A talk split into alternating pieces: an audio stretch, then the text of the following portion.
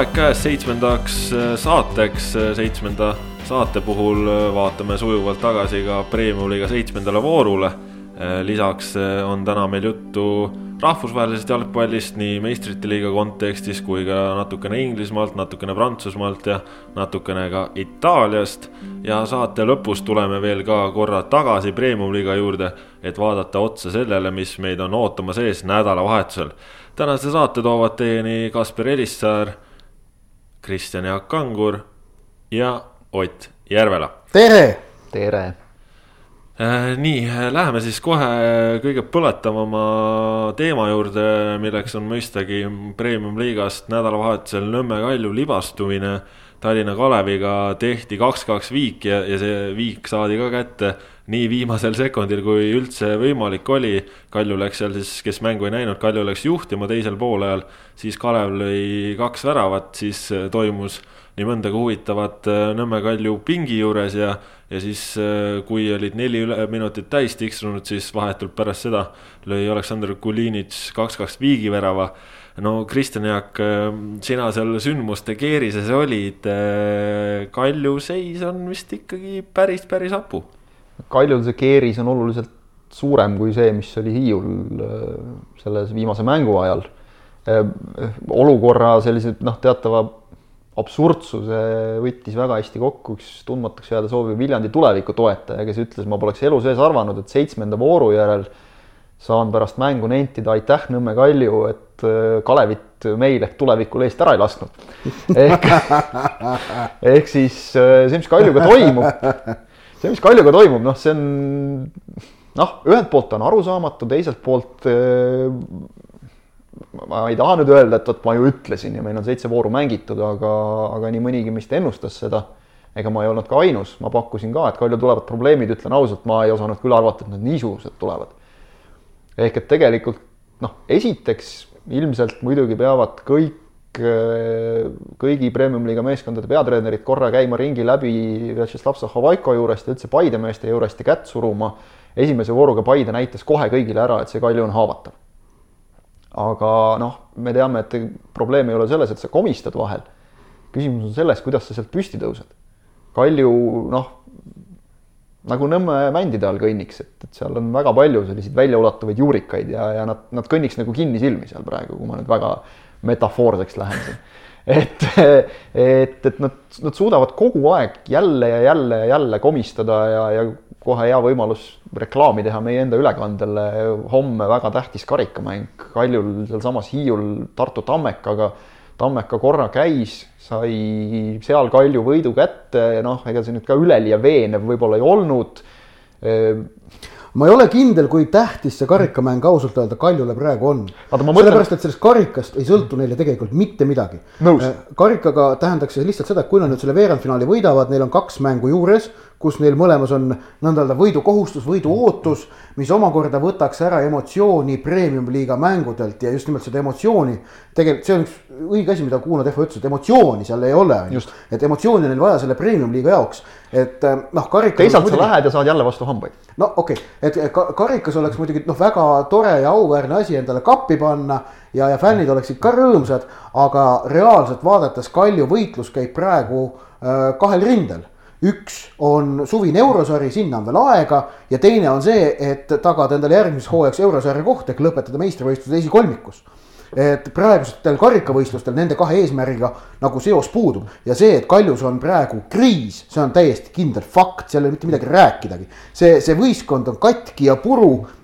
Nad kaotavad seitsme vooru järel liidritele kümne punktiga äh, ning äh, Paide on näidanud igatepidi, et nad on suutelised sellel hooajal Kaljut äh, hooaja lõikes minu meelest ka edestama äh,, vähemalt praegust Kaljut ning Narva Trans on, kogub tuure. just, äh, selles mõttes sul on väga õigus, et, et see, ütleme, karikas, karika võiduväärtus, sellel, see tõesti on Kalju jaoks praegu täiesti. see on selline pürrase võidu moodi äkki. jah, kolmandajärguline, aga nüüd ongi küsimus, et, et kuidas minna sellist mängu mängima. Ilmselt oleks õige tegelikult see, mida oli muide väga meeldiv vaadata, et, et Sergei Frantsev pani Kalevi vastu raskel hetkel noored kutid sisse Alex Mattias Tamm, Peeter Klein, noh, me, me ei ole seda liiga sageli näinud. Lilju võeti välja, on ju. ja Lilju võeti välja, okei okay,, tema asemele tuli Sander Puri, Lilju võeti välja, noh võib-olla ta ei olnudki nüüd selles konkreetses mängus niivõrd kehv, aga noh, tõesti nagu sa ütlesid, see meeskond on katki igast otsast ja ja kui Robert Kirss ütles mulle pärast mängu teleintervjuus väga sügavalt ohates, Kirss muide rõhutan, enne kui me hakkame, hakkame siit Kaljut edasi tampima, et üks mees, kes annab endast kogu aeg väljakul kõik, kõigi Kalju mängijate kohta seda kindlasti öelda ei saa praegu. et no, vaata neid Kalevi väravaid, no seal no, kaitsjad seisavad kaitsjad seisavad. võtke Kalevi, kes ei ole näinud, võtke Kalevi äh, üks-üks värav ja vaadake palun, äh, noh, kas see on premium-liiga tasandil keskkaitsjate tegutsemine? ei ole. ehk et seal, seal noh, ja, ja seal juba selles olukorras üksinda on üks viga teise otsa, lasta kergelt senderdusele endast lihtsalt kuidagi üle lennata, minemata selle peale üldse, siis lasta Andreas Raudsepal, kes noh, on väga äge vend, aga oleme ausad, äh, nagu selles maailma kõige kõrgem. vertikaalses plaanis ei ole väga, väga, väga kaugele ulatuv mees, eks ole, minna lihtsalt lüüa ära rahulikult sealt kahe vahelt ja noh, müts maha, Raudsepale julgelt läks, läks lõpuni, lõi ära, samamoodi täpselt Kalevi kontra kaks-üks, millest tuli väga-väga hästi mängitud, suurepäraselt, aga korra tundus, et Kalju noh, nüüd Alex-Mattias Tamm tuli sisse, tõi sellist värskust, uut hingamist natukene, lõi ära korras, saime selle esimese niisuguse suhteliselt hambutu poole, kus, rõhutame, Kaljul oli tegelikult võimalusi. ehk et nad võivad öelda tõesti esimese poole pealt ka, et ei olnud õnne. ühe korra Karl-Andre Valner tegi supertõrje, sai näpud vahele Subbotini löögile ja, ja korra veel käis pall postis, nii et noh, kui sa lööd kaks korda posti, paar kauglööki napilt mööda, esimene poolaeg ei olnud Kalju poolt nüüd tegelikult üldse halb. aga noh, teine oli ausalt öeldes täielik kaos selles suhtes, et sa vaatad, et see meeskond, noh, nüüd saime oma värava kätte ja siis löödi neile vastu ja pärast seda oli kõik, kogu enesekindlus, kõik täiesti kadunud. selles mõttes jah, kuna Tehvo ütles õigesti, emotsiooni meeskonnas ei ole, kuidas see tagasi saada kuidas sa saad meeskonna uuesti mängima, mina ei kujuta ette ausalt öeldes. nojah, kui sa no, siin äh, üt, ütlesid ka seda, et, äh, et meeskonna mäng teisel poolel oli väga halb ja, ja tõid ka Kuno Tehva mängu, siis Kuno Tehva ju meie otseülekande vahendusel märkas ka seda, kui halb see mäng oli ja, ja, ja kohe pärast seda, kui kui Kalev lõi kaks-üks värava, siis äh, äh, Kuno Tehva siis väga otsustuskindla sammuga kohe vahetult pärast seda väravat äh, sinna Kalju pingi juurde läks ja, ja seal noh, mitte just kõige rahulikuma vestluseid vist igas. kas kuulsid ka midagi, mis sealt käis, mis jutt, millest jutt käis? ei kuulnud, klapid peas okay.. selles on asi, et, et ja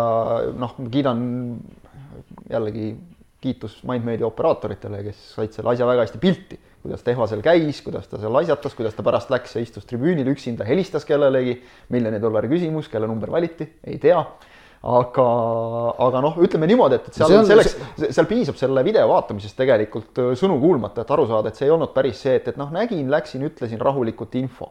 mis on muidugi iseenesest emotsionaalselt no,. see oli, noh, see oli, see oli, ütleme nii, et, et Nõmme Kaljust sai selle hetkega Narva Trans sest Narva Trans on, on ju tegelikult ainukene seni olnud ikkagi klubi ma nüüd Maardu kohta ei oska öelda ausalt, ma pole Maardu mänge näinud, kas neil käib president pingi peal? no Maksim Grivošin on äh, ka mängijana registreeritud, seega okei okay,, seal on teine seis, okei okay., aga, aga, aga Maardu mängib ka teistsugust mängu, et noh, Maardu kohta ei saa öelda professionaalne võistkond, on ju.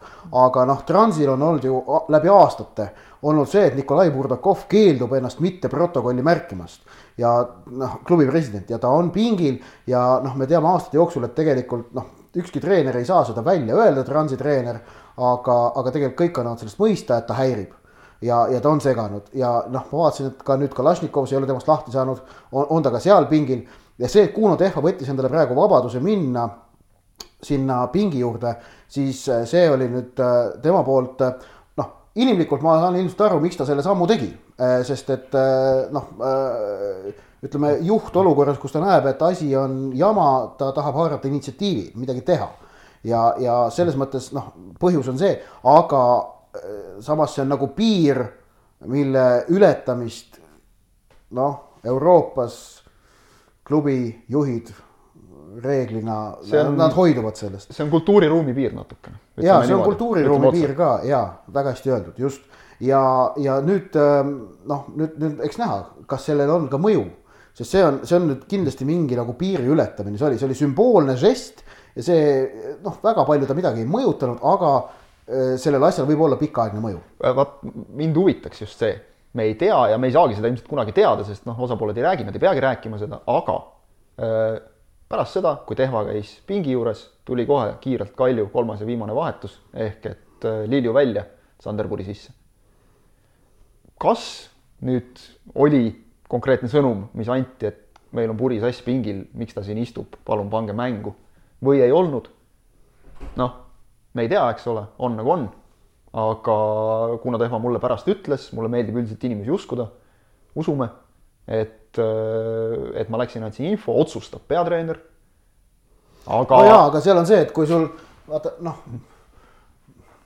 kuidas nüüd öelda, toome ajakirjandus, ajakirjandusmaastikult paralleeli, toome ajakirjandusmaastikult paralleeli, et, et põhimõtteliselt peatoimetaja otsustab küll, rääkides mingist suvalisest ajakirjandusväljaandest, ajakirjandusväljaandest X.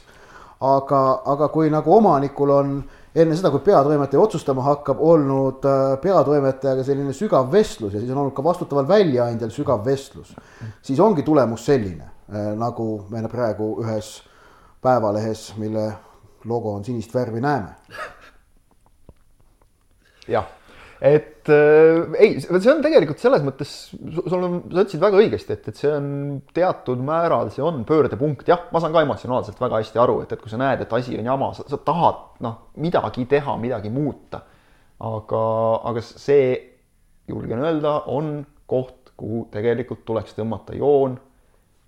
sina oled ühel pool väljakut, teisel pool väljakut on varumeeste pink ja nemad teevad seal oma asja, pärast, siis on aega kriisikoosolekut väidetavalt ei ole Kaljus veel olnud, ma tahaks loota no,, et nüüd tuleb. ei no noh, seda tituleerida mingi asi kriisikoosolekuks, see on ka muidugi oma, no, iseendale raskuste püstitamine nende ületamise just, just. nimel on ju. aga, aga jah, et Kaljul on nüüd noh, no ikkagi seal on selgelt näha, et seal võistkonna sees on, on ju süsteemsed vead ning mida siin ühes saates juba vist ka nagu öeldud on, siis ütleme noh, vihjeid, et põhjuseks on äh, lubadustest mitte kinnipidamine, mängijatele antud lubadustest mitte kinnipidamine, no laekub üha rohkem. jah, äh, üks äh, ütleme noh, väga oluline asi, ma ei tea, kas sa, sa korra nagu alustasid ühte lauset, ütlesid, et ma, ma eeldan, et sa mõtlesid võib-olla seda, aga noh, alati üks selline hea lihtne lahendus on see, et laseme treeneri lahti, paneme uue. Siin on nüüd küll see probleem ja, ja selle ütleme noh, Kaljo ei ole selle kui nad selle käigu ära teeksid, siis nad jookseksid endale selle reha niimoodi kahe silma vahele kinni, mille nad on ise maha pannud endale jalge ette. ehk et äh, see meeskond on väga selgelt Sergei Frantsevi käe järgi vormitud. ja nägu jah, et see mängijate valik on sobiv tema jalgpalli Just. nägemuse realiseerimiseks. ja antud tingimustes, mis on siis noh, tiitli peale mängimine. ja see on nüüd jälle natukene selline takkajärgi targa mängimine, aga eelmise hooaja lõpus õnnestus ka kommenteerimise tõttu päris palju just Nõmme Kalju mänge vaadata, kuna nad ka tiitlile mängisid, siis ütleme, mingisugused ohumärgid tegelikult praegu tagasi vaadates olid juba õhus. Ehk et Frantsevi mängustiil on suhteliselt selline noh, ma ei taha öelda lihtne, aga sirgjooneline. lihtsalt jah, selle ilmselt mingid meeskonnad juba eelmisel hooajal hammustasid lahti, kuidas selle vastu mängida, lihtsalt alati ei õnnestunud sel hooajal on need mõned, neil mõned olulised lülid puudu, näiteks noh, ütleme viiekümne kaheksa protsendi mehest oleks sajaprotsendiliselt kasu praegu kindlasti, kes ei saa vihjest aru, see läheb, võtab Rimo Hundi intervjuu lahti, mille ta Sokkernetile andis siin hooaja alguses või eel, päris alguses vist, eks ole, ja, ja selgitas natukene seda asja. ühesõnaga noh, selline ründaja on neil praegu puudu, seega ilmselt ei võimalda Liliul mängida päris sellel positsioonil mingites mängudes, kus ta oleks kõige parem, mängida päris sellisel moel, et ta oleks kõige parem, seda sa juba viitasid, ka Liliu ümber käinud jant siin, noh, mees ilmselgelt tahtis välismaale ei saanud, jätkab Kaljus praegu äh,. no ütleme nii, et see, see, kes väljakul on ja ma ei mõtle selles suhtes, et ta väravaid ei löö lõi ju siin ikkagi Tammekale ka näiteks kaks tükki, aga see ei ole see Lilju, kes oli eelmisel hooajal, ehk et ma just mõtlen kogu oma käitumiselt, olekult, kehahoiakult no,. Kaljul on sellist no, ei, ei noh, käte laiutamist. Kalju mängija äh, ei mängi sama hästi kui eelmisel hooajal, ma julgen niimoodi öelda. ma toon ja. ühe näite veel muide äh,, mis ka mingi. samamoodi no.. just, mingi märk on, et äh, kui peatreener hüüab pingilt ühele mängijale, et, et kuule, et noh, ole hea, ütle seda edasi ja mängijalt tuleb peatreenerile suhteliselt äh, teravas toonis vastu, ma ütlesin juba ju. ehk noh, umbes, mida sa seletad mm? -hmm. arvestades seda, et Frantsev on ikkagi kõige paremas mõttes selline noh, vene kooli ja, ja vana kooli treener, selline treenerile vastu haukumine keset mängu väljakult äh, ei ole üldse hea märk ja, ja, ja noh, me teame, Frantsev on väga, kes on temaga rääkinud, ma ei ole temaga isiklikult nüüd hirmus palju kokku puutunud, aga nende väheste kokkupuudete pealt juba võin öelda, väheste vestluste pealt, et ta on üldiselt väga põhimõttekindel inimene, samas üks tema põhimõtetest on lojaalsus. ehk et ma kujutan ette, et ta on isiklikult praegu sellises tohutus kahvlis. et mingid asjad, ta on seda ka otse välja öelnud intervjuudes, mingid asjad ei ole tema meele järele klubis, üldse mitte. Ja samas professionaalne viisakus või just nimelt seesama lojaalsus keelab tal sellest äh, teha väga suurt lärmi. et ühesõnaga neid, neid me oleme siin lugenud neid asju ette, mis Kailul on ja võiks lugeda veel ja veel, et, et see, see saab olema üks väga, väga. veel ja veel. no eks. väga ka... raske protsess, see ja, asi ümber pöörata. ja FC Kuressaare, kes nüüd oota, kellel Kalju külla sõidab, laupäeval vist. Kuressaare on praegu niimoodi, Kalju või, oi kui tore, sellest võib küll väga ilus laupäeva õhtu tulla. ja see on, niimoodi vaatavad praegu kogu tabel vaatab Nõmme Kaljule otsa niimoodi. Kalju, ei ole probleemi, mängime, bring it on korra veel selle mängu juurde tagasi tulles, et nüüd ei läheks ainult Kalju tümitamiseks, siis ma tahan Tallinna Kalevit kiita. Tallinna Kalev ja. mängis äh, suurepäraselt selles mängus ja Aleksandr Dmitrijevi ees müts maha. esimest korda olin ma kommentaatorina samal pool väljakut, ma sain silmanurgast natukene jälgida, kuidas ta juhendab. Rollid tunduvad olevat väga hästi ära jagatud abitreeneritega, ehk et on omavaheline usaldus. kui keegi neist näeb midagi, ka Kristjan Tamme näiteks, paar korda sekkus mängu selliste väikeste oluliste torgetega, tee nii, tee nii, noore meeskonna puhul see on väga vajalik. noor meeskond, mis on tegelikult saadud väga distsiplineeritult mängima, näha on, et need mehed usuvad peatreenerisse, mulle tundub selle meeskonna sisekliima viis pluss, mis tegelikult võiks ju olla väga keeruline, noored mehed, kellel ei ole premium-liiga kogemust eriti ja Aleksandr Dmitrijevi vahetused näitasid ka minu meelest, okei okay,, nad olid osalt sunnitud, sest et Hannes Anier tuli vigastusest tagasi alles, Vale Mussa-Alli ei ole ka saanud ettevalmistust kaasa teha aga need vahetused, mida ta tegi ja ta läks ründama. ta läks, ta läks teist väravat lööma. ehk et müts maha. mängutunnetus on Dmitrijevil olnud alati väga hea, nii ka seekord. Just. kunagi ei tea, kuidas see kandub üle treeneriametisse, aga seekord tundub, et on väga hästi kandunud, ehk et Tallinna Kalev võib siin hammustada veel väga paljusid, okei okay,, see Kalju oli haavatav, aga aga mulle tundub, et neil on õnnestunud ka saada väga hea tasakaal just nimelt rünnakul, arvestades seda, et nad on meeskond, kes mängib, peab mängima väga palju vastu rünnakutele siis Hannes Anieri ja Vale Musta Alli kombo, üks pallihoidja, teine selline kiire käblik, no mees võttis Igor Subbotinilt tagasi vahepeal umbes kolmekümne meetrise distantsi peale kolm meetrit. Subbotin ei ole maailma kõige aeglasem mängija, ehk et äh, Tallinna Kalev. kiirem ka ei ole. no kõige kiirem ei ole, aga ta on päris pika sammuga ikkagi no,. Okay. Tallinna Kalevit soovitan äh, jälgida sel hooajal. Nõmme Kalju osas äh, selgitab meil nüüd siin äh, järgmine nädal, kas nad ronivad oma august välja või mitte, sest äh, Äh, ütleme, et väga palju halvemaks äh, minna ei saa ja kerkida on küll nii mõndagi. no vaatame no, laupäeval Kuressaare mängu ära. saab, saab jah, aga no ma ei, ma arvan, et Kalju jaoks ikkagi on juba asi piisavalt halb. No nii ja naa, alati saab halvemaks minna nii, aga lähme edasi. Lähme edasi, äh, saate teine suurem küsimus siin premium-liiga nurga alt Paides toimunu äh, pühapäeval, Paide sai Levadialt null kaks kaotuse väga keevalises äh, mängus, Ott, sina seal sündmuste keerises olid. no Paide ikkagi näitab, et nemad on väga selgelt äh, medalit püüdev meeskond tänavu. Ja ma vist kirjutasin ka, et nad, nad, nad mängivad nagu mitte võistkond, kes tahaks medalit võita vaid kes, kes teab, et ta või, või vaid kes tahab medalit võita, et seal ei ole seda tingivat kõneviisi. ja nad saavad selgelt aru, et neil on olemas see jõud ja oskus mängida ennast hooaja lõikes esikolmikusse.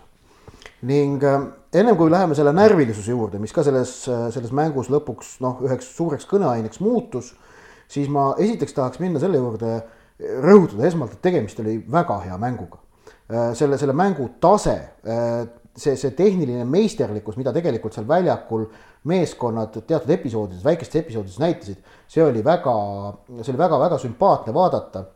ehk et äh, intensiivsusega oli kaetud tegelikult terve väljak, kuskil, kumbki võistkond ei saanud kuskil hetkekski puhata, sest vastane tuli survestama. mõlemad mängisid, võib öelda niimoodi proaktiivset jalgpalli, samas kumbki äh, sellised noh, korraliku, et mitte öelda tugeva surve alla jäänuna ei peljanud ähm, oma äh, tehnikat äh, maksusele panna ja tegid seda reeglina mõlemad ka hästi. see, kuidas mõlemad võistkonnad tulid surve alt palliga välja. noh, esimesel poolel ma vaatasin seda sealt niimoodi, et ma nägin Paide siis vasak äär oli minu ees, on ju.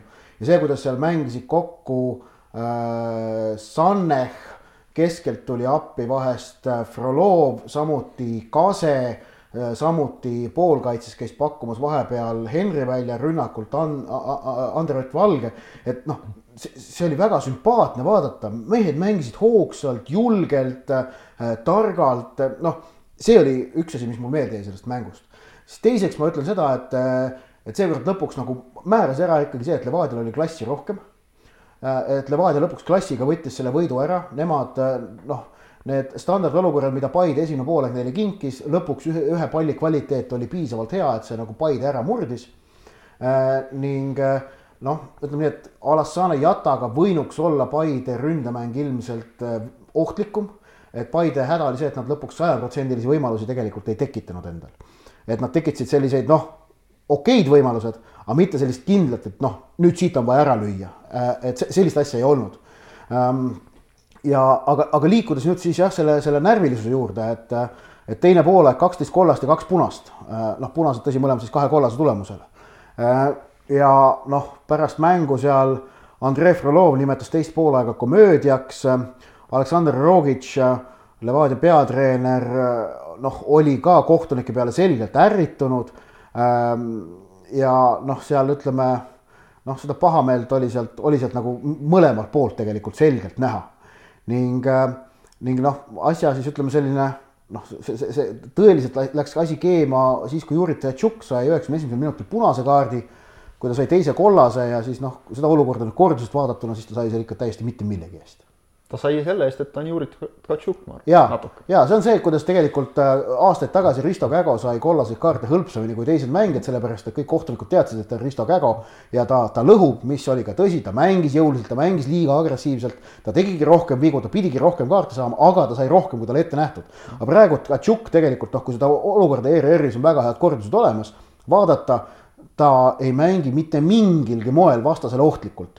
ei ükski käsi, ei ükski kehaosa ega jalatald ei ole äh, Kevin Kauberi poole kuidagi nagu ohtlik, vaid ta lööb lihtsalt palli jõuliselt minema ja siis tuleb Kauber talle sisse. kukub väga õnnetult, lööb pea vastu muru, äh, kaotas teadvuse korraks, äh, noh, väga ebameeldiv olukord, aga see Tatšukile antud teine kollane kaart on, on täiesti ebaõiglane ning tulemus on see, et Tatšukil Levadia võtmemängijal jääb Tallinna derbi vahele no samas äh, Kevin Kauber näiteks ju ise ütles äh, Delfile, et äh, väga õigesti kohtunik käitus selles olukorras, sest Tükatšuk tuli tema jaoks ikkagi ohtlikult tald ees sisse, niimoodi ta. tald ees ei ole seal, noh, vaatad kordust, seal ei ole no, mingit tald ees ja, ja asi juhtus see, et Kevin Kauber tegi tehnilise praagi, tema lasi palli liiga kaugele sellepärast Tatjuk jõudis esimesena pallini ja noh, et kohtunikud tahavad öelda, et see pole tähtis, kes mängis esimesena palli. on küll tähtis kui üks mängija jõuab olukorda ja mängib palli puhtalt ja teine jääb hiljaks, siis on esimene see, kes on nagu hea jalgpallur ja teine tolles olukorras ei ole nii hea jalgpallur. sportlik tase maksab. praegu sai nagu Tkatšuk selle eest karistada, et ta läks olukorda väga jõuliselt, ta läks tõesti väga jõuliselt, ta lõi selle palli noh, peaaegu läbi reklaamplakati, eks, aga see ei ole, nagu me arutasime ka tegelikult siin mõni päev tagasi pärast mängu, see ei ole keelatud. jah, palli, palli tugevasti löömine ei ole jalgpallis keelatud, et Roberto Carlos äh, tegi sellest endale karjääri ja sai päris hea palga peale ausalt öelda. ühesõnaga, noh, Katsuk no. millalgi ta ütles äh, minu meelest välja ka mingis intekas, et, et Eesti liiga ei ole minu jõulise mängustiiliga harjunud. ja see oli see, kui ma küsisin ta käest, et kuidas sa eelmise aasta ka kaartide hulka kommenteerid ja siis ta, siis ta kostis seda. aga okei okay,, no äh, selge on see, et kuna Eestis, Eestis ei ole kombeks valesti antud kaarte tühistada, mis on minu meelest muidugi halb praktika Jalgpalliliidu poolt, eriti olukorras, kus meil on kõik kõrgliiga kohtumised videos olemas, siis äh, valed eemaldamised, äh, noh, ekslikud eemaldamised äh, tuleks tühistada. Äh, see on noh, jalgpalliliit ei ole tahtnud seda sammu astuda, noh, toome näite siinkohal, kui, kui mitmes asjas on nagu Inglismaa jalgpall noh, teinud valesid otsuseid, siis selles osas on nad õiged, et seal nagu näiteks ekslikud punased kaardid tühistatakse tagantjärele.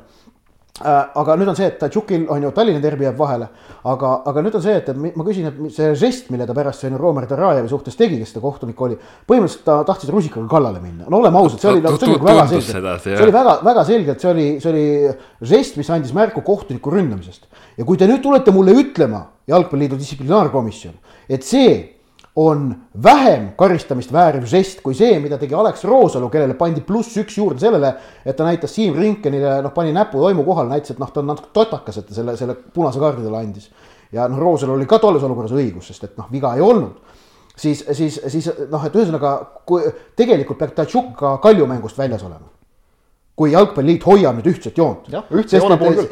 kui, kui, kui Roosalu sai selle žesti eest pluss ühe, siis Tatšuk peab ka selle pluss ühe saama ja mis muudab kogu selle asja veel absurdsemaks. Ehk täiesti öö, olematu punase kaardi eest peab Juri Tatšukli vahele jätma kaks öö, mängu öö, Levadia suurte rivaalidega. Nojah igatahes väga intrigeeriv mängu lõpp ta oli ja tõesti, Tikatšuk seal lausa pisarates väljaku pealt lahkus, sest tõesti tundus talle, et liiga tehti ja, ja tuleb ju sellepärast tõesti see derbimäng ka vahele jätta tuleme korra veel kohtunike juurde selles mõttes ka tagasi, et Katšuk ei oleks tegelikult tohtinud istuda lõpuminutitel Levadia pingil, vaid ta oleks pidanud minema ära sealt tehnilisest alast, aga noh, ilmselgelt ma aiman, et neljas kohtunik ei julgenud talle lähemale kui kümme meetrit tulla. aga noh, jällegi üks selline väike asi, see tegelikult kogu see mäng ja kogu see viimane partii. seda Levadia abitreener ka ju ära saadetud. ja.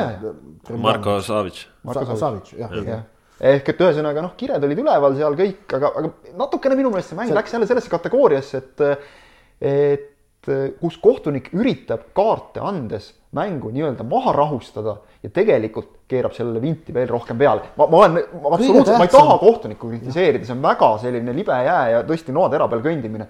aga Romer Tarajevi mängude puhul vahel juhtub selliseid asju, ütleme sagedamini kui mõnel teisel. see ei ole kriitika, ma lihtsalt nendin fakti praegu. ei noh, kriitika ta oli ka, aga see on jumala normaalne kriitika, et kriitikat tulebki teha, kui on vaja, aga aga noh, võtmekoht on see, et, et suhtlus mängijatega on, on kõige hõlpsam viis ennetada, kuidas öelda, tarbetuid emotsioone. ja vot see on kohtunike proaktiivne suhtlus. selleks, et kohtunik jõuaks äh, nagu ennetavalt äh, hakata suhtlema, ta peab olema oma muudes asjades kindel, sest see võtab nagu lisaressurssi ja lisaenergiat ja muu, muu, muus. et, et noh, kui, kui nagu sellist enesekindlust ei ole, siis on, siis on nagu äh, lihtsam valida selline konservatiivne hoiak väljakul ja proovida kehtestada ennast ainult ka ainult kaartidega, et noh. noh no, igatahes. miks, äh, miks tegelikult Eesti jalgpalli kõrgliiga mängijad Kristo Tohverit äh, kiidavad, on see, et ta suhtleb mängijatega. ja, ja, ja ta, ta argument, suhtleb argumenteeritult ja ta põhjendab ja selgitab ja mängijad saavad aru, kuidas ja miks me mängime ning, äh, ning teda aktsepteeritakse sellepärast noh, selgelt kõige paremini. ja näide elust enesest Tohveri puhul, ma isegi ei mäleta täpselt, milline mäng see praegu oli, aga pöördumine mängijate poole, sa pead ära tunnetama muidugi, millal on selliseks, sellise tooniga asja ütlemiseks ka õige hetk. oli see, et läks mingiks väikeseks nagelemiseks ja Tohver vaatas seda lihtsalt kõrvalt rahulikult ja ütles, et mehed, ära me tegeleme mingi jamaga, mängime jalgpalli, palun. töötas mm. -hmm. ehk et vahel toimib ka see, sa ei pea ennast nii-öelda kehtestama, vaid sa tuletad lihtsalt meelde, miks me siin oleme Mm -hmm. no rääkides siis äh, mängulistest tegudest, Levadia tabel tipus täiseduga ja nende kõrval samuti täiseduga FC Flora, kes alistas siin nädalavahetusel FC Kuressaare viis-null, kui Kuressaare seni oli lasknud omale seniste mängudega lüüa neli väravat, siis nüüd ühe mänguga paugust viis ja, ja noh, kuidas see tuli äh, tuli noh sedasi, et äh, Kuressaarel väga palju probleeme vigastustega, mängust jäid kõrvale Magnus Karofeld, mängust jäid kõrvale Sander Laht, Rauno Tutk, Sander Seeman Äh, kes olid küll noh, igaks juhuks pingile pandud, aga, aga ei teinud sisuliselt sooja ega midagi, ehk siis olid seal lihtsalt äh, fiktiivselt nii-öelda olemas. Äh, neli ja, põhimeest moodustavad selgroo tegelikult. just ja, ja Kuressaare proovis mängida viiese kaitseliiniga, et panna kinni just eelkõige Flora ohud äärtelt, Sinjavski ja Herol see ei õnnestunud ja, ja noh, siin oligi, kui Kostja Vassiljev tegi oma ilusa löögiga seal otsa lahti, siis lõpuks olidki viis tükki toas olemas ja, ja noh, seejuures Roland Kütt ju, kes pidi Karofeldi asendama, tegi ikkagi päris hea mängu, nii et seal oleks seis võinud veel hoopis teistsuguseid mõõtmeid võtta, ehk siis noh, Flora jaoks taaskordne näide, et nendel see mäng ikkagi sujub ja sujub päris hästi selle osas, et tabelis on nii neil kui Levadial kakskümmend üks punkti, ma usun, et Levadia on oma kahekümne ühega selgelt rohkem rahul kui Flora, sellepärast et äh, Levadia on need seitse võitu saanud kätte mängides märgatavalt krobelisemalt, kui seda on teinud Flora. Eh, ehk et need rasked võidud äh, teatavasti, aga väärt, noh, punktiline väärtus on neil sama, on ju, et Levadial on neid raskeid võite seni rohkem tulnud ja, ja vääratusi on mõlemal null, nii et ma usun, et selles mõttes on Levadial väikene eelis hetkel just ja noh, Kuressaare jaoks äh, kindlasti väga-väga kõva õppetund, äh, noh, eeldada võib, et tõenäoliselt nad Kalju vastu lähevad tagasi sellele neljasele liinile, mis nagu toimis natukene paremini. ja, ja noh, see ütleme, ongi ikkagi ühest küljest justkui teine väga kõva mäng järjest, aga noh, nagu sa ka saate alguses Ott ütlesid, siis äh, Kuressaare võib-olla hõõrub käsi kokku, et äh, sellises seisus Kalju omale vastu saadakse. no jaa, ma usun, noh, noh eeldusel, et näiteks Lahe, Seemani ja, ja Tutki vigastused ei ole midagi nagu suurt ja kuna nad varupingil olid, siis noh noh no, pigem, pigem Sander, Sander Lahega ma mõned sõnad vahetasin pärast mängu, küsisin, kuidas tal olukord on, ütles, et mõlemad hüppeliigesed on äh, on nii valusad, et ei kannata neid isegi teipida, et tal alati on hüppeliigesed kinni teibitud ja ütles, et praegu ei, ei kannata isegi teipi peale panna. ütlesin, et loodetavasti paraned ruttu, ta ütles jah, ei oska praegu midagi öelda, eks näis, on ju, et. Äh, nojah, e, tõsi on muidugi see, et jah, et kui Kuressaarel ikkagi võtmemehed ikka puudu on, siis neil läheb Kalju vastu raskeks, et noh, nad vaja, vajavad seda oma head koosseisu, nagu neil hooaja alguses oli. et millega noh, Levadia vastu tegid ju null-üks mängu ja, ja Narvast said punkti, et et eh, seda, seda, seda küll, jah. see on muidugi see tabeli teise poole klassika, et sul on mõned olulised mehed puudu, eriti kui sul on vastas Flora, kellel on noh, ma ütleks, see oli selline tüüpiline Flora, niisugune neli-null, viis-null võit, löövad kõik no, ehk et no siis, siis ongi raske. just ja noh, ütleme Flora mängu iseloomustab ka natuke see, et äh, nendel oli vahetusest võtta Gerd Kams ja Mihkel Ainsalu, kes siis oma vigastuspausidelt tagasi tulid, et. et kui sul on selliseid vahetusi mängu jooksul teha, siis äh, on vist asjad päris hästi. aga läheme edasi, Maardu tulevik ka üks oodatud mäng nädalavahetusel oli, see lõppes null-null ehk siis noh, said mõlemad punktilisa juurde ma saan aru, et selles mängus ma ise tegin sel ajal palju mängu, nii et ei näinud seda, aga, aga raisati hästi palju. ehk et noh, mõlema meeskonna probleem sel hooajal on ikkagi olnud, et, et lüüa, kuidas. ja, ja eks ta selle taha jäi, kindlasti selle, ma usun, et selle punktiga on Maardu natuke rohkem rahul. tulevik, noh, mitte ilmselt nii väga, sest et noh, Maardu on meeskond, keda nad peavad võitma, kui nad soovivad mitte langeda sinna püsimajäämise heitluses. aga huvitav on jah see, et Vitali Uussev ei ole saanud siin oma jalga paukama, et avavoorus Tammeka vastu lõi ja ja pärast seda ei midagi ja, ja ka tuleviku vastu raiskas ühe päris hea šansi, nii et seal Maardus tundub ikkagi jah, et äh, mentaalselt äh, on sats natukene augus, noh, samas jällegi teistpidi on ju nullimäng nüüd kirjas, et ei lastud omale sahmakat taha lüüa ja ja seegi noh, võib-olla selline väikene positiivne säde on ja noh, tegelikult kui siin vaadata noh, siis Maardut ootab nädalavahetusel ees Narva Trans, et ei lähe ka nagu väga palju kergemaks neil. aga äh, üks mäng veel, Tartu Tammeka, Narva Trans, see oli siis Äh, ka üks selline oodatud kohtumine, sest see oli tabeli naabrite lahing ja, ja Tartu Tammeka äh, suutis seal äh, eduseisu haarata, aga siis tuli vingi pealt mees nimega Viktor Plotnikov ja, ja otsustas mängu ära. no Plotnikov Flora vastu nädal aega varem jäi ründajana üpris nähtamatuks, ehk et ei suutnud seal väljakul suurt midagi korraldada aga, aga paistab, et noh, et jah, et kui Flora peale ta veel hammas ei hakanud, siis Tammeka vastu tegi küll ja tegi hästi. ning, ning noh, Transi jaoks kahtlemata väga tähtis võit. et, et see noh, nad olid ju mänginud hooaja algust ikkagi pigem hästi, olema, me, me kõik ütleme noh, no ja, ja et mitte öelda isegi, võib öelda isegi sümpaatselt, aga punkte oli tabelis vähe ja nüüd saadi see kohustuslik võit, mis oli keeruline võõrsil Tartust, on keeruline võit võtta Narva jaoks. Saadi kätte, tuldi kaotusseisust ka veel välja, noh, tahaks loota, et see nüüd äh, noh, ei olnud seal ilmselt vaja nüüd äh, veel Dmitri Kalašnikovil nagu usalduskrediiti suurendada klubi juhtide silmis, aga, aga noh, see, see tagab rahulikuma võimaluse tööd teha äh, Transi jaoks ja, ja ma jätkuvalt jälgin huviga, mida nagu Trans suudab sellel hooajal, et noh, nende mängu on, ma olen vist seda juba siin saates öelnud, aga nende mängu on silmale ilus vaadata kaotus oleks tõmmanud nagu sellise ebavajaliku pinge üles, et selles suhtes jah, ma arvan, et sul on õigus selle töörahu osas. aga samas see pinge on natukene üleval nüüd võib-olla Tartu Tammekal, sest eh, nemadki on ju noh, on tublilt mänginud, aga no ei tule neid tulemusi ikka no absoluutselt ja, ja ikkagi päris nadi on see seis, et praegu on nad ju seitsme vooru järel tabelis kaheksandal kohal kirjas neli punkti. neli punkti seitsme vooruga see on ikkagi ja, vähe, väga vähe, noh, see on, see on sama palju kui Viljandi tulevikul Tallinna Kalevil. ja Maardul on üks punkt rohkem juba, kuigi Maardu on siin saanud äh, kaheksa omale taha mängites mängudes. no Tammekal on jäänud äh, noh, ikka ja jälle jääb natukene puudu. ja, ja see ei ole ebaõnn, vaid see, seal on väga selge põhjus, et noh, jääbki natukene puudu, midagi on, midagi on kuskilt äh, liiga vähe Äh, nüüd, mis see täpselt see midagi on, ma, ma ausalt öelda ei oska praegu konkreetselt öelda. kas, äh, kas äh, noh, Albert Prosa, kes asendab rünnakul Tristan Koskorit, noh, ma ei oska öelda, kas, kas see koostöö leidmine võistkonnaga on seal olnud probleem või mitte.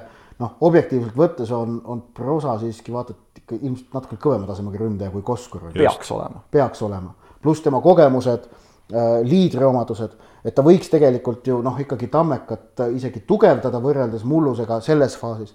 et, et ei tea, kas see, kas see, kas see nagu probleem on seal edurivis või siis on see ikkagi hoopis äh, tagumises liinis, et, et noh, kas Hakim Sairinen on välja andnud eelmise hooaja taseme senistes mängudes? ei ole. ei ole. ei ole jah.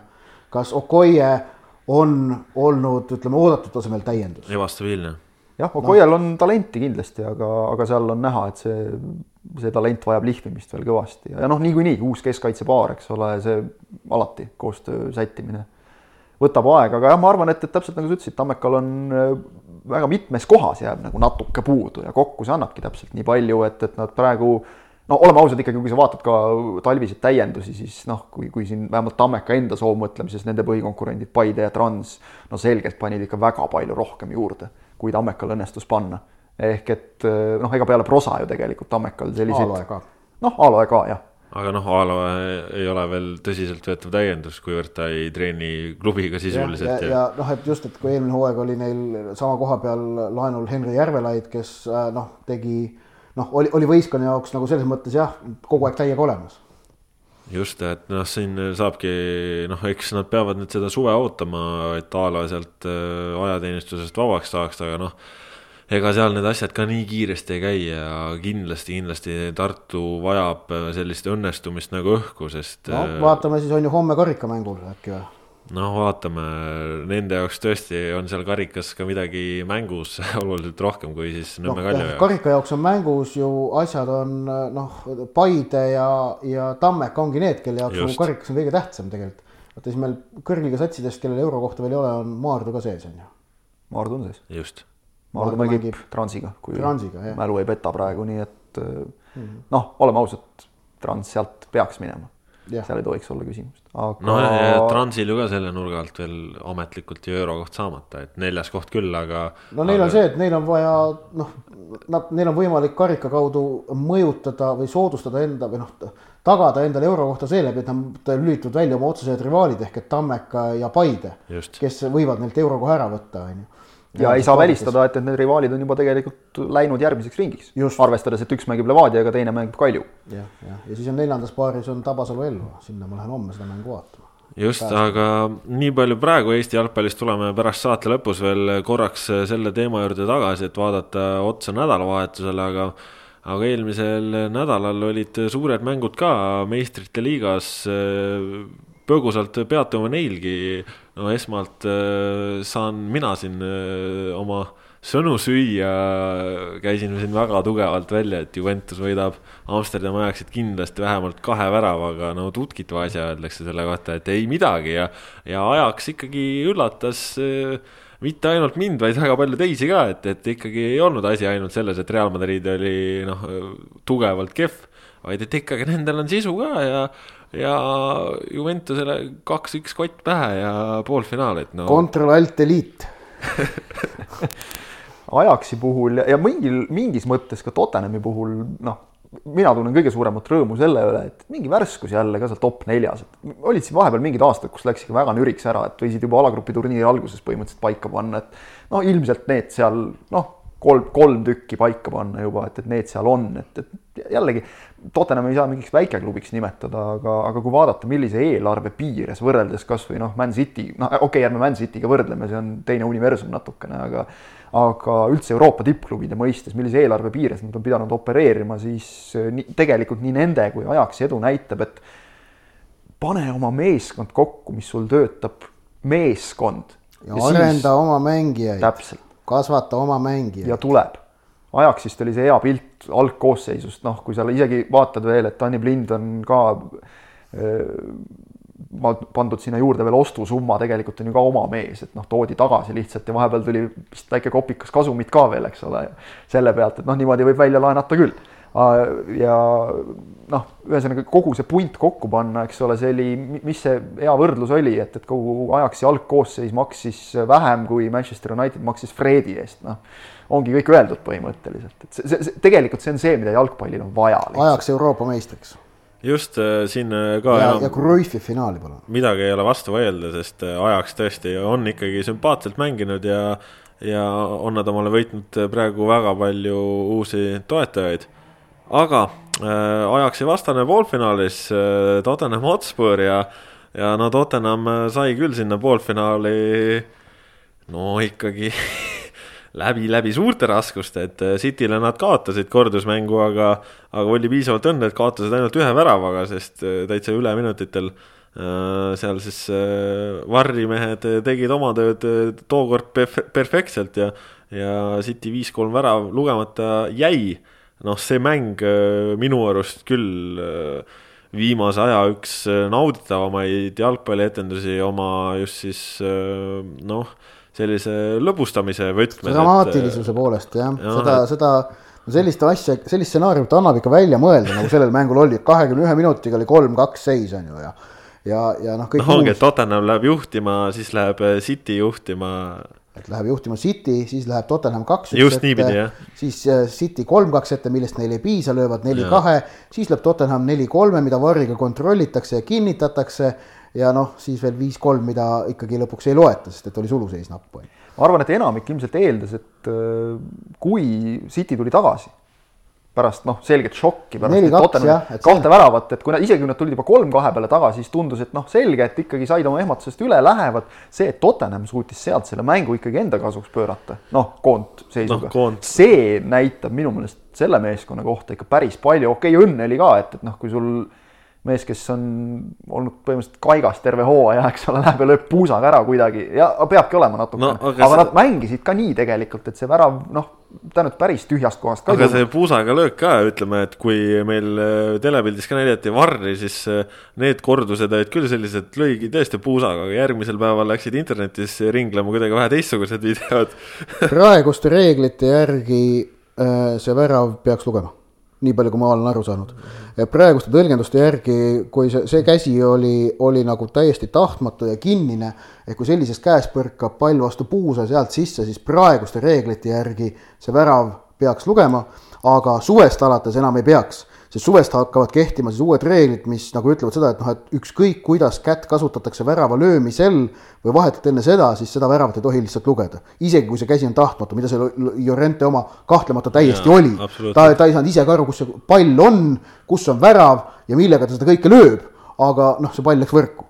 aga, aga jah, et Tottenham noh, noh, see on, see on Pochettinol võimalus teha kõigile selline suur ninanips ikkagi, et noh, ta on saanud, noh, teda on ka kiidetud, aga teda ka ikkagi kritiseeritakse tal on natuke see maine, et, et suurtes mängudes ta ei leia õigeid lahendusi, viivitab oma vahetustega, noh, jääb mingitesse asjadesse kinni liialt.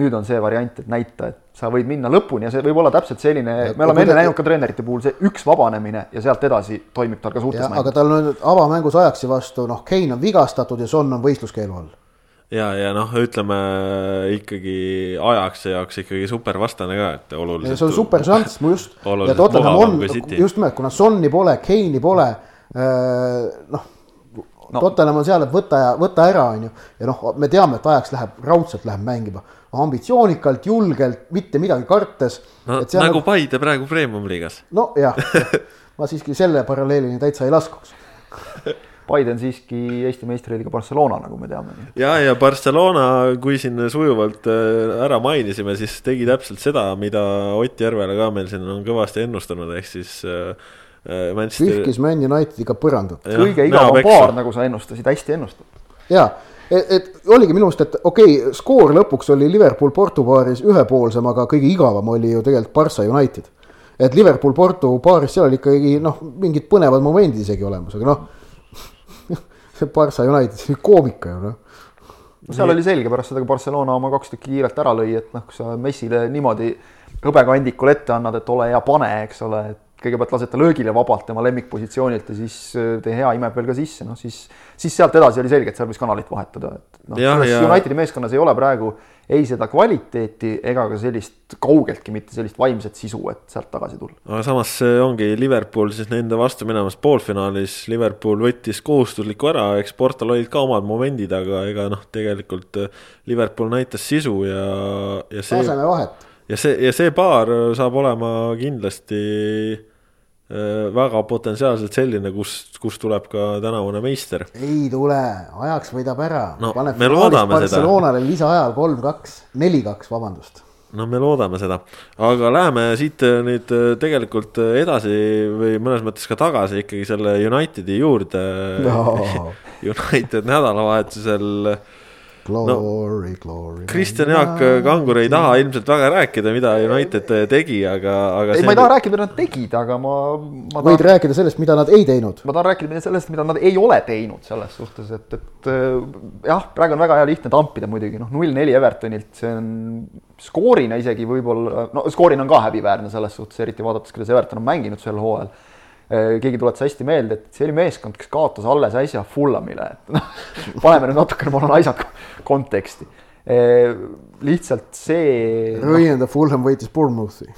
ja ei muidugi, Fulham on tubli okay., aga neil on pinged maas, nad saavad mängida praegu. aga, aga Unitedi puhul jah, võib äh, mängijaid tampida põhjusega. Mm, võib tampida Ole Gunnar Solskjaeri ka põhjusega ilmselt.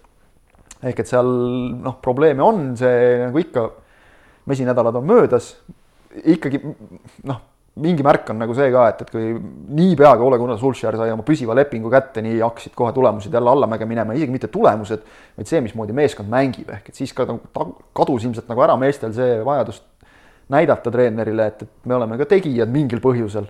ühesõnaga noh, see on nüüd see, et, et nad on seal kaugel saare peal, me ei tea sellest, eks ole, kes teavad, need väidetavalt räägivad, et seal mädaneb väga palju minu meelest seal on nüüd küll see klassikaline case Unitedil, et kala mädaneb peast. ehk et tegelikult, kui äh, on siin olnud palju juttu sellest jalgpallidirektori ametisse nimetamisest, kes peaks siis äh, ostude-müükide eest vastutama, siis seda ei ole siiamaani.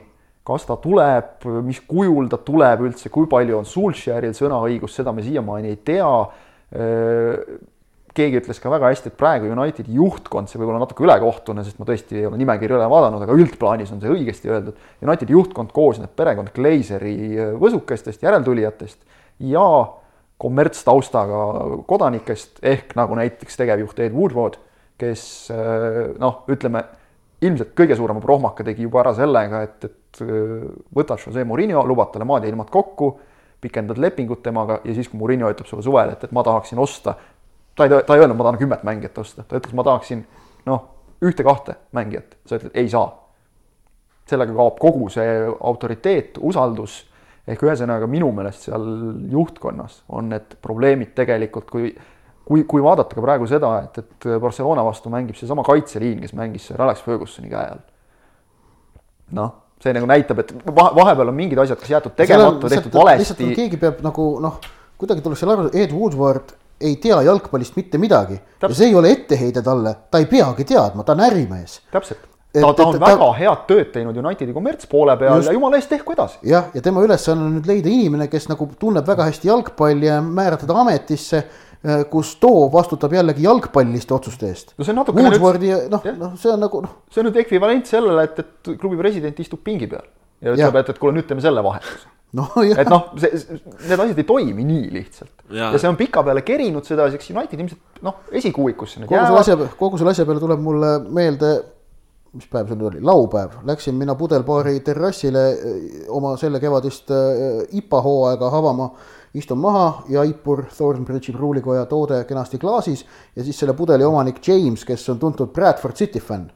ta on tegelikult ka, ütleb, et tead, mis meil eile juhtus või? noh, ma tunnen teda veidi ka varasemast. et me, me eile kukkusime League One'ist välja, ma ütlesin, no pole hullu ju, et noh, et kui te eelmine kord League, League Two's olite, et siis jõudsite selle liiga kõrgesarja finaali. ta ütles, nojah, aga me eelmine kord olime League Two's kaheksa aastat ja ma küsisin, mis siis viga on, et teil nagu noh, pea, ei peaks ju olema seal noh, League Two sats, et neil nagu noh, Bradford on päris korralik. ei no meil tuli mingi Saksamaalt mingi omanik, eh, kes arvab, et ta teeb jalgpallis kõike. meil oli kuus peatreenerit hooajaga ja ma mõtlesin, mis aga, hooaega sa seal avasid, et aga IPA hooaeg, selge jah. ma mõtlesin, et see ei saanud olla sinu esimene õlu välitingimustes sel aastal. aga noh, selle nurga alt eh, ka tegelikult haakub ikkagi see, et eh, Solskjaerile äh, kahekümne kaheksandal märtsil see püsiv leping pakuti, et võib-olla oli natuke rutakas käik, sest eh, noh, ka no, ma ise. selline asi ei saa mõjutada kui.... aga, aga ma ise tsiteerin ennast, kahekümne kaheksas märts, vahetult pärast seda, kui Solskjaerist eh, oli siis püsiv treener kolmeaastase lepinguga tehtud, ära kinnitatud, siis ma säutsasin, et üldiselt tähendab see seda, et Unitedi käekäik varsti halveneb. tihtipeale nii juhtub, kui edukast ajutisest treenerist saab püsiv ja no täpselt nii juhtus jah, täpselt nii juhtus, aga ma ikkagi vaataks ausalt öeldes nagu mängijate otsa ka, et väga-väga tugevalt, et äh, noh, need ja, ja kusjuures just nende mängijate otsa, keda, kes saavad klubis kõige rohkem palka ja, ja kelle eest on kõige rohkem raha makstud, et seal on ikka sellised noh, lati alt läbi jooksmised, et latt ei paista kätte ka. ehk et äh, noh, ma olen näiteks oma sõpradega vaielnud äh, Unitedi teemadel korduvalt siin ka David Moyes'i ajal ja ja hiljem ja, ja Murillo ajal, et, et kes peab panema nüüd meeskonna mängima, et, et kas kas peatreener peab motiveerima või, või, või on ikka nagu mängijates endas ka natukene midagi kinni, no ma olen siiski seisukohal, et meil ei ole lasteaed, et kui sa oled ikkagi võtnud selle noh, ka mingil määral, sa oled ju teinud tööd selle nimel ka, võtnud mingi vastutuse, et kui sa nii-öelda kannad ikkagi seda vappi rinnal, siis, siis võiks nagu natukene selle vastu mingisugust austust üles ka näidata, et noh, tegelikult see on muidugi asi, millega veavad oma klubi alt tänapäeval väga paljud jalgpallurid lihtsalt Unitedisse neid hetkel sattunud natuke liiga palju kokku, seal ei ole ka õiget liidrit ja, ja noh, ütleme nii, et, et ega see nüüd ühe suvise akna mu muudatuste teema ei ole. Sulcher tundub vähemalt kandvat endas mingisugust ideed, Murino kandis ka, aga noh, see tema idee ilmselgelt ei töötanud. Sulcheril on mingisugune idee, eks tal nüüd tuleb lasta lihtsalt tööd teha ja vaadata, kas saab asjast asja või mitte, ega nad esikuuikust, ma pakun välja, ei kuku ka järgmisel hooajal, et noh, selles mõttes siin, siin on nüüd küll see, et, et erinevalt Kaljust hullemaks minna nagu väga palju ei saa, et äh, antaks ainult aega ja ei rapsitaks ja, ja ilmselt selle jalgpallidirektori leidmine, see peaks olema prioriteet jah, Inglismaa kõrgliigas äh, ka siis, mis veel nädalavahetusel seal tipus ladvikus toimus, äh, sai esmalt City omavõidu ja siis see Liverpool omavõidu ka.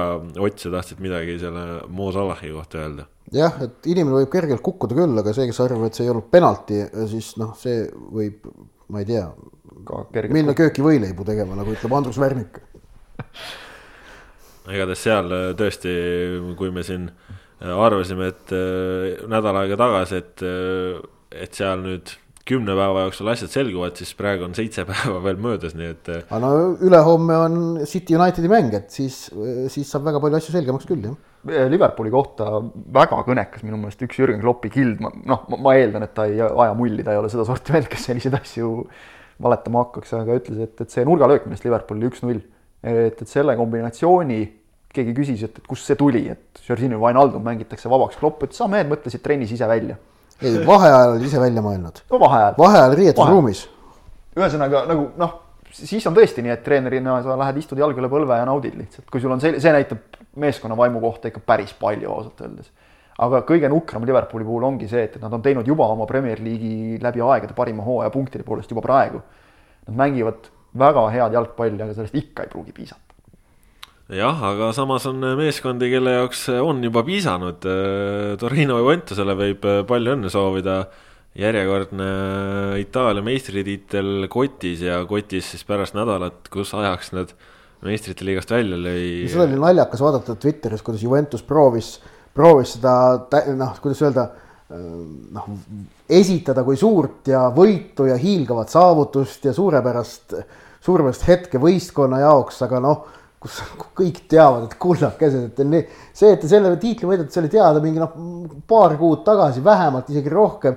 ja tegelikult see nädal oli teie jaoks totaalne krahh, kui te saite kodus tuppa lastest koos ja Ajaxi käest, noh. ja tegelikult ju ka nädalavahetusel see mäng, mis neile selle tiitli tõi, siis sealgi jäädi taha jäädi kaotusseisu ja lõpuks sihuke hädine kaks-üks võit saadi, aga noh ikkagi piisab sellest, nii et äh, Cristiano Ronaldo ka järjekordne äh, karikas omal kapis ja, ja esimene mängija siis ajaloos, kes on võitnud meistritiitli nii Inglismaal, nii Hispaanias kui ka siis Itaalias. jah, ega polegi nagu palju öelda, päris hästi tehtud, aga noh, nagu sa ütlesid, et vähemalt äh, saadi mänguga see tiitel kätte, et Pariis Saint-Germainil läks nagu veel kuidagi magedamalt, et ka hea näide sellest, et niipea kui meistrite liigast välja kukuti siis koduliigas, kus tegelikult tiitel oli ammu selge, siis seal hakkas tulema null viis ja mingeid noh, täiesti absurdseid tulemusi sellise meeskonna kohta. ehk et jah, BSG ka tänu Lilli Viigile sai oma tiitli kätte, siis õhtul veel mängiti ise ka, aga, aga noh, see jah, ma, ma ei kujuta ausalt öeldes ette ka, et noh, seal võidupidu on ilmselt täpselt selline, et, et keegi teeb mulli vee lahti ja lähme laiali, et noh, seal nagu šampust pritsida ei ole väga põhjust. ja see, selle nurga alt ikkagi ja mu arust ka nagu suurepärane näide see, kuidas äh, jalgpallis loeb nii-nii palju mentaalne pool, ehk siis sama, seesama BSG näide, et, et kõik oli hästi, nad olid noh, sisuliselt äh, nagu alistamatu sats ja siis läks meistrite liigas asi nii hapuks ja ja no, ja no siis liigas no ikka üldse ei suudetud enam mängida, et ongi järjest, järjest, järjest, noh, see oli, noh, oli näha, et ongi sats, ongi lihtsalt vaimselt noh, klops käis ära, et meil ei ole enam millegi peale mängida ja noh no,, Juve sai ju ka tappa kohe, eks ole.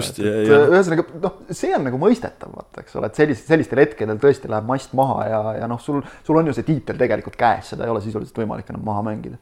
aga vot, kui sa mängid top nelja peale nagu United Inglismaal ja, ja siis otsustad, et täna ei viitsi, et noh, siis tõesti tekib küsimus, et miks te mehed üldse siin olete ja noh, loomulikult muidugi mainime ikkagi ära ka, tervitan kõiki oma Arsenali fännidest sõpru, et noh, see on nagu see tänapäeva klassika, et kui United ütles, et me ei taha seda neljandat kohta, võtke endale, siis Arsenal ütles hold my bear ja suutis Crystal Palace'ilt kolm-kaks tappa saada. Samas... puhas Škodran Mustafi show, show jälle ehk et noh vahel nagu vaatad mõningaid mängijaid ja mõtled, et kuidas see mees sellisesse klubisse sai, maailma tippklubisse, Mustafi on sel ajal küll olnud üks selline härra, kelle puhul sügavad arusaamatused tekivad, kui vaatad tema mängu vahel. aga samas äh, Arsenal ju neljapäeval alistas Napoli Euroopa liigas sammuke edasi ja ja võib-olla siis äh, võetakse Euroopa liiga kaudu omal see meistrite liiga koht ära ja savi, mis seal liigas saab, et. ei noh, jah, neil on ju tegelikult on nüüd endiselt eelisseisus, arvestades, et Unitedil on siin vaja mängida äh, City'ga ja siis on United ja Chelsea omavaheline mäng veel ootamas, et tegelikult praegu Spurs ja Arsenal on ikkagi selgelt soosikud kolmandale-neljandale kohale. ja Chelsea'le jääb siis ka seesama Euroopa liiga, nii et noh, mine tea, võib-olla me näeme Inglismaa meeskondade finaali seal jah, aga igatahes tõesti veel siis selle Prantsusmaa ja Itaalia koha pealt ka ütleme, et eh, Juventus ja BSG saavad ikkagi jälle väga varakult hakata valmistuma järgmiseks hooajaks, sest eh, noh on ju teada, et nende jaoks liigatiitel ei tähenda enam midagi, et nendel on vaja edu meistrite liigas ja ja noh, ütleme, kuigi ka Juventus ju omale Ronaldo tõi just selle eesmärgiga, et saavutada edu meistrite liigas, siis Ronaldo üle kümne aasta jäi välja poolfinaalides meistrite liigas, nii et äh, ei ole seal seda tolku olnud ja noh, eks ju Juventus siin äh, natukene on juba täiendusi teinud ka järgmiseks aastaks, kui Aaron Ramsey näiteks Arsenalist ju suvel liitumas on, aga igatahes eks eks äh, meeskonnad saavad hakata vaikselt selle peale mõtlema, sest äh, noh, ikkagi praegu jääb veel midagi puudu nendel ja noh, äh, ütleme, et siis City ja, ja BSG näitel ikkagi rahaklubidel ka nagu, et raha peal eduni ei purjeta just sihukeses formaadis. üldiselt nagu sellised igasugused projektid, et vot me toome nüüd umbes selle mängija, et võita see tiitel, noh, need lähevad pekki tavaliselt ja jumal tänatud, et lähevad, sest mulle, mulle isiklikult sihuke asi ei. samas äh, Juventus jõudis üpris lähedale ausalt öelda. et, et äh, selles mõttes noh, neil pigem nad, nad olid ikka õnnestumisele päris lähedal ja Ronaldo tegelikult mõju suures plaanis oli loodetud ta, ta toodi selle mõju pärast, ta sinna klubisse toodi ja see umbes selline ka oli. aga lihtsalt jah, et noh, siis kohtuti, kohtuti spordi, spordivõistlusega, et spordivõistlusel on omadus see, et ta, ta ei lähe alati niimoodi, nagu sa tahad ma tsiteeriksin siinkohal praegu Southamptoni peatreenerina olevat Ralf Hasenhütlit, kes äh, veel oma eelmises klubis ütles ühele ajakirjanikule, kes küsis, et, et kas saate, küsis mingi asja kohta, et kas saate anda garantii. Hasenhüttel ütles, et kui sa garantiid tahad, mine osta külmkapp jalgpallis ei ole garantiisid. Ja jumal tänatud, et ei ole, meile meeldib. nii ja läheme siis saate lõpetuseks veel tagasi premium-liiga juurde, ega siin äh, Äh, muust asjast väga palju ei räägi, räägime ikkagi Tallinna derbist, mis on meid pühapäeval ees ootamas äh, Sportland Arenal siis pühapäeval kell kolm.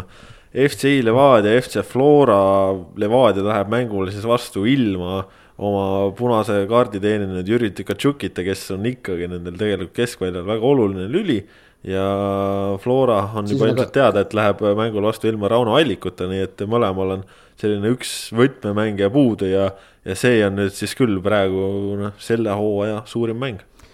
no suurem Seni. kaotus on see, suurem kaotus on see kindlasti Levadiale, et Alliku jaoks, Alliku korvamiseks on Herold Riibergi näol olemas hetkel Floral noh, väga hea toimiv lahendus et Katšuki korvamiseks Levadial säärast lahendust ei ole. võib nüüd eeldada, et keskvälja põhjas mängivad Rasmus Peetson, Igor Zurahovski, aga kas noh, kumbki neist täpselt neid omadusi, mis on Tatšukil, siiski ei evi. et, et see keskväli on Tatšuki puudumisel veidikene teistsugune. nii et selles mängus, kui kellelegi eelis anda, siis noh, just Tatšuki puudumisel ma annan selle eelise väikese Florale. See, kas, kas see on piisav eelis, et, et see mäng ka võita, see on omaette küsimus. ning küll aga ma lisan veel seda, et, et viigiga, kui see mäng jääb viiki, siis okei okay,, noh praeguse seisu pealt vaadates, teadmata seda, äh, kuidas selle mängu sees asjaolud kulu, kujunevad.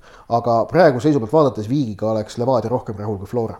ja no tänase seisu pealt tundub küll, aga noh, kui siin veel Levadia keskväljast rääkida, siis äh, noh, tegelikult äh, minu jaoks on ikkagi seal üks kasutamata aare veel, ehk siis Marek Kaljumäe, kes oma kaitsvate omadustega võiks suuta aidata kinni panna just Flora selle keskvälja, mis on praegu siis isikkoosseisus Vassiljev, Miller, Kreida töötanud ikkagi laitmatult. Äh, kas sa tõesti usud, et pannakse Kaljumäe mängu olukorras, kus ta siiamaani pole no,? ma just arvangi, ma, ma arvan, et teda ei pandagi jah, ja aga, aga minu arust see ongi natukene nagu kasutamata ressurss et äh, praegu noh, ma hooaja eel olin äh, noh, ütleme, et äh, optimistlik selles osas, et Kaljumeest kujuneb ikkagi põhimängija. praegu seda ei ole kujunenud, ta on olnud selge vahetusmees ja, ja noh ma ei tea, no see on mõnes mõttes, et, et kui sul ongi ju probleeme sellega, et, et sa ei saa omal äh, kaitset nagu pidama, noh nüüd ütleme Paide vastu küll saadi, aga, aga et sul on ikkagi olnud probleeme, et su keskväli natukene ujub seal laiali kaitsefaasis, siis minu arust Kaljumaa on täpselt see mees, kes sinna sobib ja kes võiks selle asja nagu aidata kinni panna, aga noh, praegu Aleksandr Rogits ei ole teda eelistanud, aga noh, see ütleme jällegi, et noh, Levadial pink on ju tegelikult meeletu ja seda kvaliteeti on seal, on seal ikkagi palju, noh, et äh, kindlasti on asendusi. supermäng tuleb, selles ja. mõttes intriigi mõttes on ikkagi ja, ja pinge on üleval, et kas see mäng ise väga hea tuleb, selle, selle osas on ju ennem sellist kindlust ei ole, aga, aga väga äge seis on see, kus see mäng tuleb ja ja, ja noh, huvi on, huvi on kõrge kindlasti. no just nagu sa mainisid, Kreida keskväljal näiteks väga huvitav vaadata, kuidas hakkama saab sellises, sellises väga eeldatavalt ikkagi väga jõulises mängus, et, et. no aga samas ütleme, et ongi tegelikult äh, Tükatšuki puudumine, ma arvan, et grammikese seda just äh, väljakul olevat agressiivsust tõmbab alla, sest noh. mõnes mõttes Tükatšuk oma keevalisusega on ikkagi selline ka, et kes äh, kogu nagu satsi nivood natukene kõrgemale timmib ja, ja et kui teda ei ole, siis teisi selliseid. ma ei tea, äkki, äkki näeme viimaste aegade kõige igavamat või rahulikumat derbit, kuigi no raske uskuda, aga. muidugi oluline küsimus on ka see, et kes Floral rünnakul mängib, kas Liivak või Sorga, ma ise pakun, et kuigi Sorga nüüd Kuressaare mängu sai endale, et siis Levadia vastu alustab jälle Liivak, pakun ma tõenäoline on küll, et Liivak alustab just ka nagu seda tema kaitsvaid noh, ma ei saa öelda, et omadusi, aga, aga noh, see. tervi-, mängu. tema, tema nagu kogemused, kogemused ja, ja kõik see nagu räägib ikkagi jah selle kasuks, et. et derbimängu alustab Liivak ja mitte Sorga, mis ei välista seda, et Sorga tuleb jälle vahetusest ja lööb võiduvärava. jah just, just, just. põnev vaadata ka kahe peatreeneri duelli ka kindlasti, sest et mõlemal on pingi pealt väga palju võtta, kes oskab neid käike paremini kasutada. no Jürgen Henn on äh, praegu hooaja alguses siin seitsme vooruga küll näidanud, et ta neid oskab sealt pingi pealt ikka jube hästi võtta ja, ja, ja tema valikud on ju ütleme noh tegelikult on ju Flora jaoks hooaja algus ikkagi kulgenud päris perfektselt ja isegi kui meil on olnud siin mingeid teatud mängude eelküsimusi või mängu ajal olnud küsimusi, siis äh, Henni valikud, kas siis algkoosseisu osas või siis ka vahetustega, on alati toonud tulemuse, noh kasvõi nädalavahetusel Pavel Tõmmova sisse esimese puutega värav, noh jälle. noh, see on, see on, ongi, jättis Sorga algkoosseisu, Sorgale jälle värava tõi Sorga varem vahetusest, Sorgale jälle värava, et noh, tal need käigud äh, ja ongi siin, kui on olnud Äh, Herol ja Alliku vahel dilemma, Herol on toonud sisse, Herol on kohe säranud ja, ja nii edasi, et äh, Henn on äh, praegu selle koha pealt küll ikkagi noh, väga hästi ennast näidanud ja no., ja no tundub ka, et ta eelmise aastaga sai ikkagi nagu pingeid maha ja nüüd saab rahulikult seda oma treeneri asja teha. kas või üldises plaanis see Heroli sobitamine, mis oli hooaja eel üks, üks suuremaid küsimusi, et kuidas tal hoida sellist head mängunälga ja kõike seda viimastes voorudes, noh, kui Herol lööb väravaid, järelikult ta on heas tujus nii on. nii on, selline oli siis äh, seitsmes saade äh, jalgpalli taskuhäälingust Pikk ette ja ise järele. oleme tagasi jälle uuel nädalal. tänase saate tõid teieni Kaspar Elisser, Kristjan Jaak Kangur ja Ott Järvela. kuulake meid ikka, kuulata saate nii SoundCloudis, Spotify's kui ka iTunesis, nii et äh, püsige jalgpallilainel sel nädalal on Sokkernetis väga palju ka otseülekandeid, nii et äh, igal päeval midagi vaadata saate. on meil seal nii noortekoondiseid, karikamänge, premium-liigat, esiliigat, naiste Balti liigat, nii et äh, igale maitsele midagi peaks ja olema. käige ise ka staadionil jalgpalli vaatamas, see on väga mõnus tegelikult. suvi on kohal, nii et minge staadionile, palun. just, kõike head, kuulmiseni